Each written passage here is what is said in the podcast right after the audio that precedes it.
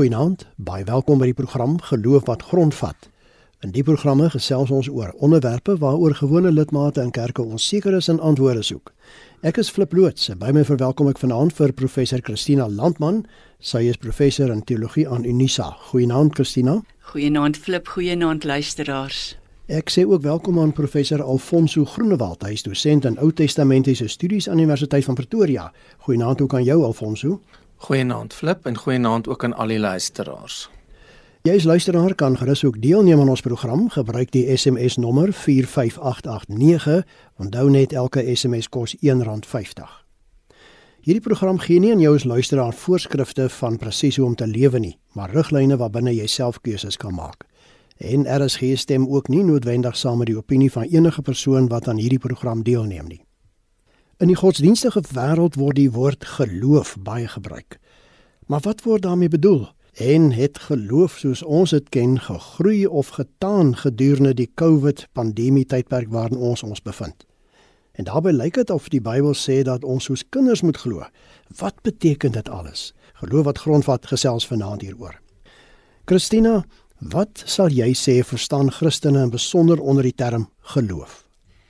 Flip soos alle vrae oor Christene en oor gelowiges is daar nie net een antwoord nie. Party Christene het 'n blinde geloof, party Christene het 'n kritiese geloof. Ek sal dan maar sê hoe ek geloof sien. En vir my is geloof om verder as jou realiteite, as die realiteite van jou lewe te vorder en te beweeg ek sal sê as jy verder kan kyk as net wat hier voor jou is, dan is jy gelowig suksesvol om nou maar so woorde gebruik. Maar ek dink ook dat om te sorg dat geloof gesond bly, moet dit 'n tipe van realisme hê en dit moet ook jou rustig maak. Anders dink ek kan geloof ook baie gou moeilik en siek en 'n probleem in jou lewe word, maar vir my is geloof 'n besondere positiewe ding. Dit is iets waarin ek dink as jy gelowig suksesvol is, dit iets is wat geweldig verrykend vir jou en die samelewing om jou kan wees. Alfonso, waarom sê Jesus in die Bybel in Matteus 18 en 19 en dan ook Markus 10 dat ons soos kinders moet word om in die koninkryk van die hemel te kom. Hy praat ook van hulle geloof in hom. Verwys dit na 'n soort van 'n geloof soos die van kinders dan? Ja, flip, dis 'n baie belangrike vraag. Ek dink belangrik is miskien dat ons eers ook na die tekste moet gaan kyk. Nou is presies hierdie tekste waarna jy nou verwys het en ek gaan ook dit nou vir die luisteraars voorlees. Matteus 18 vers 3 tot 4 sê dan soos volg: Ek sê vir julle As julle nie verander en soos kindertjies word nie, sal julle beslis nie in die koninkryk van die hemele ingaan nie. Wie homself gering ag soos hierdie kindjie, hy, ons kan byvoeg ook, sy is die belangrikste in die koninkryk van die hemele. Matteus 19 vers 14 sê soos volg: Laat die kindertjies begaan en moet hulle nie langer verhinder om na my toe te kom nie, want die koninkryk van die hemele behoort aan mense soos hulle. Dan die laaste gedeelte Markus 10 vers 14 en hy het vir hulle, dit is vir die disippels gesê, laat die kindertjies na my toe kom en moet hulle nie langer verhinder nie, want die koninkryk van God behoort aan mense soos hulle. Ek dink is altyd belangrik dat as ons praat oor tekste, dat ons ook na die tekste gaan kyk, want dikwels het mense in hulle gedagtes 'n voorstelling van wat eintlik in tekste staan. As ons na hierdie tekste luister, dan word die volgende vir ons duidelik. Eerstens wil ek 'n bietjie praat oor die agtergrond van die Markus teks. En hierdie betrokke Markus teks volg op 'n gedeelte waar daar eintlik 'n debat in hierdie gemeenskap was oor die groot vraag wie ingesluit of uitgesluit was in die gemeenskap. En dis nou presies die voorafgaande gedeelte. En dan sien ons in die einde van hierdie gedeelte vers 16 seën Jesus die kindertjies. Hy lê eintlik ook die hande op hulle en dit dui waarskynlik op 'n tipe insluitingsritueel. En waarom is dit eintlik so belangrik dat Jesus presies dit doen wat hy doen? Want as ons gaan kyk na die regte wat kinders, maar ons kan ook byvoeg vrouens in die eerste eeuse samelewing gehad het, dan sien ons dat hulle eintlik absoluut geen wetlike regte gehad het nie. En hierdie gebeure, juist die feit dat Jesus sê laat die kindertjies na my toe kom en dat hy hulle ook seën illustreer dan juis vir ons Jesus se gerigtheid op diegene wat eintlik sonder enige posisie was. Met ander woorde, hulle wat eintlik geen regte in daardie samelewing gehad het nie. Dit was dus 'n samelewing wat baie anders uitgesien het as ons sinne. Miskien moet ek byvoeg ten minste op papier. Want volgens ons grondwet en landswette word die regte van kinders en ook vroue beskerm. Dit mag dan juis in die praktyk nie altyd so gebeur nie. En daarom sou ek dink dat hierdie uitspraak van Jesus nog steeds belangrik is om te hoor. Ek wil nou oorgaan na die Matteus gedeelte toe. Wat gebeur hier? Jesus gebruik juis 'n kind om die waardes van die koninkryk te illustreer. Met ander woorde, ons sien hier 'n totale ommekeer van waardes wat in daardie samelewing gegeld het. Die kind word juis as 'n voorbeeld gebruik om te illustreer wie is diegene wat in 'n samelewing as minder belangrik geag word. Met ander woorde dan die waardes waarvoor Jesus staan, is naamlik dat diegene wat as onbelangrik of minder belangrik deur die samelewing geag word, eintlik die meeste geag behoort te word. So die gemeenskap van God, soos deur Jesus aan ons voorgehou word, is daardie mense wat die onbelangrik is of die minder belangrik is in die samelewing is. En daarom behoort ons ook Jesus na te volg eintlik in hierdie oproep, hierdie appel. Met ander woorde, volgens hierdie teks behoort die gemeenskap van God aan diegene wat hulle self ook as onbelangrik ag. Christina, ons praat van kindertjies wat hulle minder belangrik geag het in daardie dae, maar hoe is die geloof dan van 'n kind? En hoe glo jy soos 'n kind? Flip eintlik sê Jesus in hierdie tekste nie jy moet soos 'n kind glo nie. Hy sê die koninkryk behoort aan kinders soos hierdie. Ek wil bietjie aansluit by wat Alfonso gesê het omdat hierdie sulke baie interessante tekste is. Wanneer ek nou Markus lees en Matteus waar die kinders na Jesus gebring is, dan moet 'n mens nogal oplet dat dit was nie die ma's wat die kinders gebring het nie. Dit was mense En 'n mens sou miskien kon aflei dat hierdie sê maar straatkinders was of kinders wat nie regtig in 'n vaste familie was nie en hulle het dan nou nog amper minder regte gehad as wat 'n kind in daai dae gehad het en ook nie die beskerming nie. En dan sê die disippels: "Nee, maar moenie hulle bring nie, want eintlik is 'n rabbi nie veronderstel om aan hulle te vat nie of hulle te seën nie." En dan word Jesus kwaad vir hulle en ons lees net twee maal in die Bybel dat Jesus kwaad geword het. Hierdie was een keer en die ander keer toe hy die tafels in die tempel omgegooi het weens sy uitbuiting daar. En dan doen Jesus iets merkwaardigs. Hy raak hulle nie net aan nie, hy omhels hulle en hy seën hulle. En dit is vir my ongelooflik dat Jesus hierso sê maar hierdie minstes in die samelewing hulle moet in die koninkryk wees. Nou moet ons onthou hierdie kinders as hulle straatkinders was of vir watter rede ook al op die straat was, dat ander mense na hulle omgesien het, hulle was waarskynlik nie naïef nie. So Jesus sê nie ons moet soos hulle glo nie.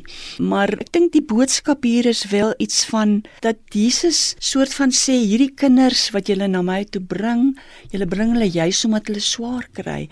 En nou omhels ek hulle en dit is wonderlik dat ten spyte van hulle swaar kry is hulle ontvanklik vir hierdie omhelsing van die koninkryk. Dit dink ek het nogal betrekking op hierdie pandemie waaroor ons nou vandag gesels, jy weet om jou oop te stel soos hierdie kinders, hierdie verwaarloosde kinders wat geen regte gehad het nie, wat Jesus sê, kom ons omhels hulle vir hierdie koninkryk. Alfonso, watter verskil sou daar wees tussen 'n kind se geloof en die van volwasse mense indien enige? Flip, daar kan verskille wees, maar dit kan ook dieselfde wees. Maar ek dink is baie belangrik as ons praat oor geloof dat ons moet in ag neem 'n kind is nog in fases van ontwikkeling. Dit geld vir die liggaamlike ontwikkeling, psigologiese, intellektuele ontwikkeling, emosionele ontwikkeling. Ons sou verder ook kan sê dat 'n kind se emosionele intelligensie ook nog besig is om te ontwikkel. Dit gebeur daarom soms dat kinders gedrag openbaar wat ons as baie onvolwasse kan beskou. En 'n mens verwag eintlik van iemand wat al verder in jare ontwikkel het, met ander woorde as ons praat oor volwasse mense, dat daardie persoon met groter volwassenheid behoort te kan optree. Ons weet egter in die lewe soms dat dit nie altyd so werk nie. Maar om dit nou 'n bietjie toe te pas op geloof, sou ek begin deur te sê dat ek dink dat 'n kind se geloof inderdaad anders is as die geloof van 'n volwasse persoon. Kinders glo byvoorbeeld maklik nog in die bestaan van die tandemuis en Kersvader. Maar daar kom dan 'n dag in enige kind se ontwikkeling of se lewe dat 'n kind erns hoor by 'n ouer broer of suster of by die skool, daar is eintlik nie iets soos 'n tandemuis of soos 'n Kersvader nie. Maar wat ek daarmee wil sê is 'n kind beleef inderdaad sy werklikheid en die lewe op daardie ouderdom nog anders as 'n volwasse persoon. En dit is eintlik ook goed so. Ons sou tog nie nou al wou hê dat alle kinders bewus moet wees van die skadukant van die lewe en van mens wees nie. Kinders aan die ander kant dink ek moet ons ook sê, aanvaar ook nie altyd alles net onkrities nie. As mens soms na 'n klein kind kyk, 'n jonger kind, dan is die woord wat enige ouer vir jou sal sê, die meeste in so 'n kind se woordeskat voorkom, is die woord hoekom, waarom, hoekom sis, hoekom so. Kinders vra dis ook al vra, kritiese vrae, selfs op 'n jonger ouderdom. En ek dink so behoort enige mens ook in sy of haar ontwikkeling op pad om 'n volwasse persoon te word 'n verandering te ondergaan in lewenservaring, belewenis en ook die ervaring van jou geloof. Ek dink 'n volwasse persoon gaan inderdaad anders dink oor godsbeelde of oor voorstellings van God. Dit is deel van die proses van mens wees. Deel van dit wat ons lewenskonteks sou noem en lewenservaring. 'n persoon wat byvoorbeeld 60 is, het inderdaad al meer lewenservarings as 'n kind van 5 of 6. Daar's verskillende maniere van geloof hoe jy by 'n bepaalde verstaan of ervaring van geloof uitkom. Dan moet 'n proses van groei en ontwikkeling plaasvind. Dit geld nie net vir jou as mens nie in jou persoonlikheidsontwikkeling nie, maar dit is ook belangrik in elke persoon se geloofslewe. Dit is RSG met die program Geloof wat grondvat en ons gesels vanaand oor wat word bedoel daarmee as gesê word ons moet soos kindertjies glo. Ek is Flip Loots en my gaste is professor Christina Landman en professor Alfonso Groenewald.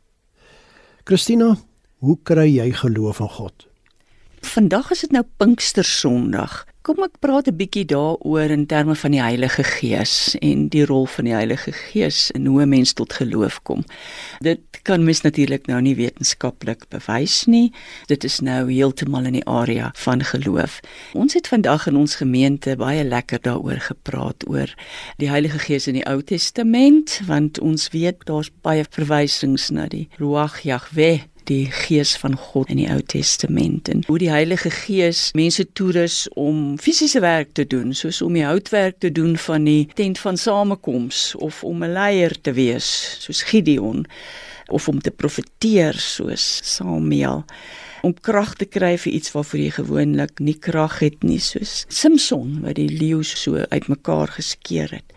Die gees van God gee ook vir jou menswaardigheid, weer eens soos Gideon wat eintlik nie op standaard was om 'n leier te wees nie. Dit gee jou moed, dit gee jou voorspoed, dit gee jou hoop. Wanneer jy in die woestyn is, die Heilige Gees seën jou, die Gees gee jou lewe. Al hierdie praktiese goed is eintlik dinge wat ek sou sê wat eintlik tekens van 'n mens se geloof is. Dit eintlik vir jou geloof gee, wat jou geloof versterk wat die waarde is van jou geloof want geloof is nie soos ek net nou gesê het net iets wat daarbo rondtoer in die hemel nie. Geloof is iets wat vir jou vaardighede gee praktiese vaardighede gee wat jy dan deur die Heilige Gees kan verinnerlik. So dit is min of meer hoe ek sien dat 'n mens tot geloof kom Ons glo dis deur die Heilige Gees, maar ons glo dit is 'n praktiese ding. Dit is iets wat jou elke dag op jou lewenspad met vaardighede toerus. Die Gees word uitgestort in die Nuwe Testament oor mense om hulle in te lyf in hierdie liggaam van Christus, in die kerk van Christus, in 'n nuwe verbond en 'n nuwe verhouding tussen God en mens. So ek dink tog 'n mens moet maar op hierdie dag 'n bietjie dink aan die Heilige Gees se werking in die vorming van jou geloof. Alfonso nou leef ons in die COVID-19 tyd, die pandemie tydperk. Tot hoeverre dink jy het mense se geloof in die Here gedurende die pandemie tydperk gegroei of miskien selfs getaan? Flip, ja, dis nogal 'n moeilike vraag. Ek dink vir baie mense is hierdie 'n baie moeilike tyd. Ons hoor al hoe meer van nog mense wat geliefdes aan die dood afgestaan het of van persone wat baie siek was, maar wat gelukkig genoeg was om wel uit die hospitaal uit te kom. Ons hoor ook elke dag in die nuus van die impak wat die COVID pandemie op die ekonomie het. Mense kry minder salaris, baie mense het hulle werk verloor. Die impak van hierdie eksistensiële krisis of tragedie is eintlik nog nie verby nie. Elke persoon gaan dit ook op 'n ander manier beleef. Vir party mense gaan daar miskien 'n rustigheid wees, 'n ervaring van God was by my, God dra my in hierdie tyd, maar dan is daar ander mense wat gaan dink ek baie opstandig word en weerstandig word en wat gaan vra maar waarom? Hoekom? Soos die Job van ouds en die profeet Jeremia wat uitroep en wat uitskreeu na God en sê kon ek nie maar liewer dood gewees het die dag voor ek nog gebore gewees het nie want hierdie verskriklike lydingspad wat ek nou moet stap is vir my te veel. Dit is ook deel van 'n geloofservaring om met God te vroeg en te worstel. Is 'n ander pad as iemand wat makliker berusting het en 'n rustigheid ervaar. Die tekste in ons geloofstradisie help ons om ook vir ons te sê daar is nie net een manier. Mense beleef God en hulle geloof op verskillende maniere en dit is ook goed so dink ek. Christina, maar hoe nou gemaak wanneer iemand se geloof wankel en hy of sy begin twyfel? Kyk, wanneer slegte dinge mense oorkom, dan skryf hulle dit toe sê maar aan God wat hulle dan verwyd en voel miskien straf God hulle onregverdiglik of hulle skryf dit toe aan 'n bose mag of hulle skryf dit toe aan die natuur, is maar net die natuurlike ding wat gebeur het of jy kan dit toeskryf aan jouself en sê maar ek het dit oor myself gebring. En as enige van hierdie goed nou nie meer vir jou werk nie, dan begin jy nou aan al hierdie dinge te twyfel. So ek se dink die pastorale pad om met hierdie persoon te stap is om te sê maar kom ons kyk nie net wie buite jou of binne in jou dit veroorsaak nie, maar wat is die pad wat jy kan loop om nou weer gelowig kompetent te word om jy geloof weer aan jou kant te kry sodat jy met daai geloof 'n gesonde pad kan loop. Ek sê dit nou sommer so maklik. Dis nie 'n maklike pad nie. Dis regtig nie maklik om saam met iemand uit daai diep gat van vertwyfeling en regtig swaar kry en verlies aan vertroue die pad te stap en te sê, "Hoe kan jy weer geloof aan jou kant kry?" En dan moet ek maar net weer na die Heilige Gees wys want dit is oor die Heilige Gees wat ons vandag baie erns ernstig nadink op Pinkstersondag en dan sal ek sê dis waar die geloof inkom dat hierdie begeleidingspad van God en van sy Gees dat uh, mens dit weer 'n werklikheid maak vir die persoon wat sy geloof verloor het. Ons praat dan baie oor geloof af ons so, maar waarom is geloof in God so belangrik vir 'n mens? Flip, ja, ek dink soos Christina ook aan die begin gesê het dat geloof is daardie bewussyn van iets anders, van 'n werklikheid buite dit wat ek hier en nou rondom my sien, beleef en ervaar. En ek dink ons is gelukkig dat ons werklik 'n ryk tradisie het of tradisies moet ek eintlik sê in beide die dele van die Bybel wat ons het, naamlik die Ou en die Nuwe Testament. Tekste wat voortdurend getuig, tekste wat getel van geloofsverhale van mense en van hulle geloof in God en hoe dat hulle God beleef het. Soms in tye wat goeie tye is, maar ook God beleef het in tye wat soos wat ons nou oor gepraat het oor die pandemie minder goeie tye. Ons is werklik bevoorreg dat ons kan put uit 'n rykdom van geloofsverhale waarmee ons in gesprek is elke dag wanneer ons hierdie tekste lees waarin mense juis getuig van die belang van geloof vir hulle, vir hulle eie lewe Oud-Israel het ook as individue. Ons kry ook die psalms byvoorbeeld wat praat van die ek. Ons kry psalms wat praat van die ons waar die individu of waar die volk as 'n groter groep praat en dit geskryf het en daaroor nagedink het oor die belang van geloof vir individu en vir die groter samelewing vir die kollektief en dit was ook iets wat Israel in die eeue gedra het deur hulle geskiedenis. Christina, ons moet begin saamvat. Beteken om soos 'n kind te glo dat jy niks wat God doen mag bevraagteken of daaroor wonder nie. Daar's mos mense wat altyd bewyse vir alles soek, nê? Nee. Is dit dan genoeg om vir hulle te sê dat jy maar net soos 'n kindjie moet glo? Kyk, ons het nou gesê dat om kinderlik te glo en soos 'n kind te glo is nie om naïef te glo nie. Dis juis om baie vrae te vra en ook die persoon te vertrou wat dit vir jou gaan antwoord. Ja, ek dink om soos 'n kind te glo is dalk goed vir 'n mens. Ek dink ook dat Jesus gesê het die koninkryk van die hemel is vir kinders, het hy ons juis almal uitgenooi, almal van ons of ons belangrik of onbelangrik is om ons oop te stel vir God se omhelsing. Maar as ek dan nou maar meer 'n bietjie teoreties kan praat, sal ek sê die geloof waarvoor ek kies, noem hulle maar in die teologie die kritiese realisme. Dit behels dan dat as iets slegs met jou oorkom, dan sal jy jou eie gedrag ondersoek om te sien wat kan jy doen om dit te verander of wat het jy gedoen om dit te veroorsaak. Jy sal ook na die natuurlike oorsake kyk en nie alles aan God toeskryf of God daarvoor verwyd nie, maar uiteindelik sal jy jou verwonder aan wat God met jou krisis gaan maak. So dit is min of meer wat die kritiese realisme is. Ek dink niemand gaan met my saamstem nie, maar dis hoe ek dit sien. Alfonso, die laaste woord is joune. Tot watter mate hang mense geloof saam met die betroubaarheid van God en sy dade? Flip, ja, ek dink om af te sluit, wil ek bietjie weer die ronde terugvat na die eerste vraag wat jy gevra het, naamlik wat beteken dit om soos 'n kind te glo? En ek dink dit is belangrik om net na ons hele gesprek wat ons tot hier gehad het om tog te beklemtoon dat daar 'n verskil is om jou afhanklikheid van God soos 'n kind te beleef of te besef beteken inderdaad nie 'n infantiele kinderlike geloof nie. Dit beteken met ander woorde nie om nooit enige kritiese vrae te vra en om na te dink oor jou geloof en dan wil ek weer eens eintlik maar sê ons het genoeg voorbeelde in ons ryk geloofstradisie. As ons byvoorbeeld dink aan die skrywer van Psalm 22 wat dit hard en duidelik uitskreeu My God, my God, waarom het U my verlaat? Ons kry die tekste uit Job, die tekste uit Jeremia.